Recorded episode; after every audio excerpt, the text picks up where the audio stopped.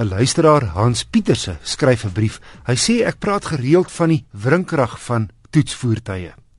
Presies wat is die wrinkrag en hou dit enigstens verband met die ouer begrip perdekrag? En wat bepaal die wrinkrag?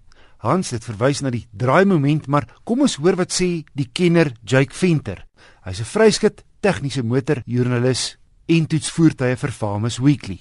In die eerste plek kry mense in feitelik alle beweging in die wêreld kry mense mense verdeel twee soorte beweging.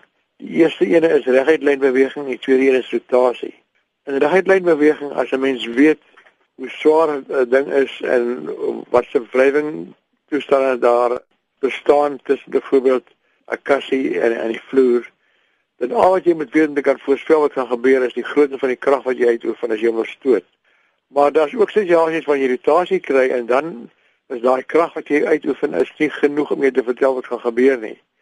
'n Goeie voorbeeld is 'n deur. As jy 'n deur probeer toemaak, sal jy gou vind dat die resultaat wat jy kry as jy teen die deur druk, hang af van hoe ver jy van die skanier af 'n uh, krag uitoefen. As jy ver van die skanier af druk, dan maak die deur maklik oop of toe. As jy baie naby aan die skanier druk, dan is dit baie moeilik om oop of toe te maak. Die gevolg is deur die laaste 200 jaar het die idee van wrinkrag ontstaan. Dit is die krag wat jy toepas maal die afstand tussen die krag se toepassingslyn en die die skanier. En dit word gebruik vir alle vorms van rotasie.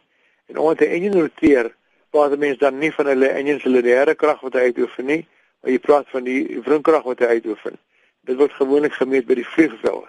Hierdie wrinkrag het 'n direkte verband met perkrag want effektief is die perkrag die wrinkrag maal die rotasiesnelheid maar nog 'n ander faktor om om om eerder korrek te kry. Sodra jy enjin is wat 'n hoë wrinkrag ontwikkel, sal jy vind hy ontwikkel ook 'n hoë kilowatt. Maar dit hang natuurlik af van die van die rotasie. Maar 'n trekker kan 'n hoë wrinkrag ontwikkel, maar hy ontwikkel nie veel krag nie want hy roteer nie baie vinnig nie. Vir sy toepassing is dit nie nodig om hom vinnig te roteer nie. Hmm. 'n Reisieskar het dikwels 'n baie kleiner wrinkrag as 'n trekker. Maar omdat hy in die in deesdae 18000 OPM tol, kan hy baie meer krag ontwikkel. Die moderne ekwivalent in in meeste beskaafde lande vir perkrag is kilowatt.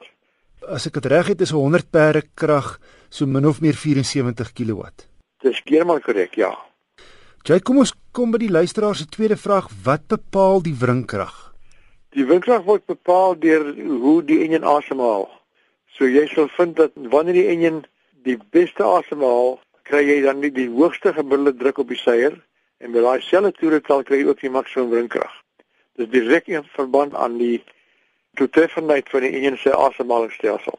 Dis hier, dis dit styg met toere tot by die maksimum uh, wringkragpunt en dan dan sak dit weer want die dis maar soos 'n mens wat asemhaal. Jy kan nie teen alle tempos dieselfde hoeveelheid lug inasem nie.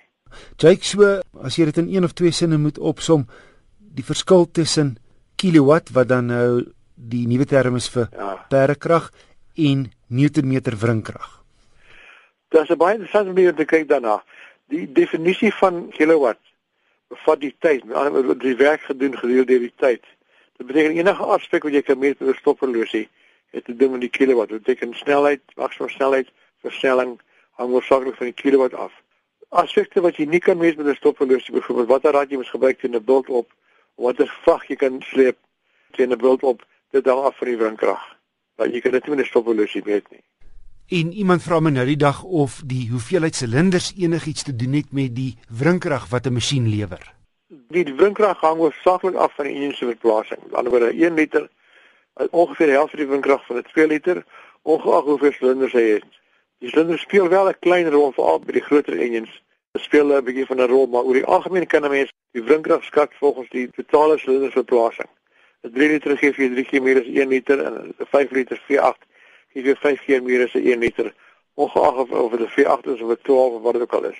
In ander woorde die die die groter aantal silinders word net gebruik om een gladder te maak en om hier staat te stel om hoër toere te kan handhaaf. Die deseiers van Bassa speel 'n groot rol om watter toere jy kan handhaaf. So 'n groot aantal silinders word gebruik om meer kilowatt te ontwikkel, nie net om meer windkrag te ontwikkel nie. Jy kry 5 liter trekkers, 4 silinder trekkers. Want hy daai 4 silinders gee vir jou baie hoër krag want hy het net 4 silinders. Maar wanneer jy 4 silinders het, is hy verplasing groot. Maar daar's ook 'n interessante tendens teenoor om minder silinders te gebruik want minder brandstof word verbruik.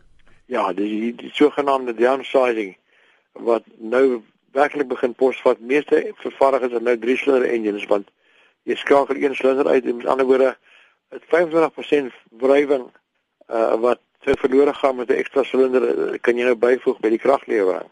So aan vir die tegniese kenner Jake Venter.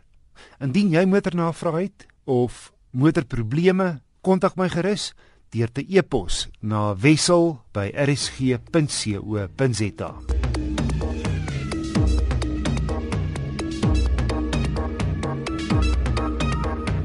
Dink hierdie week kan jou potensieel baie geld en moeite spaar. Ek gooi vroeër die week petrol in en die petroljoggie kyk ook na die water en olie. Toe ek by die huis stop, sien ek stoom uittrek. Maak die enjin kap oop en daar sit die verkoeler prop half los, half oop.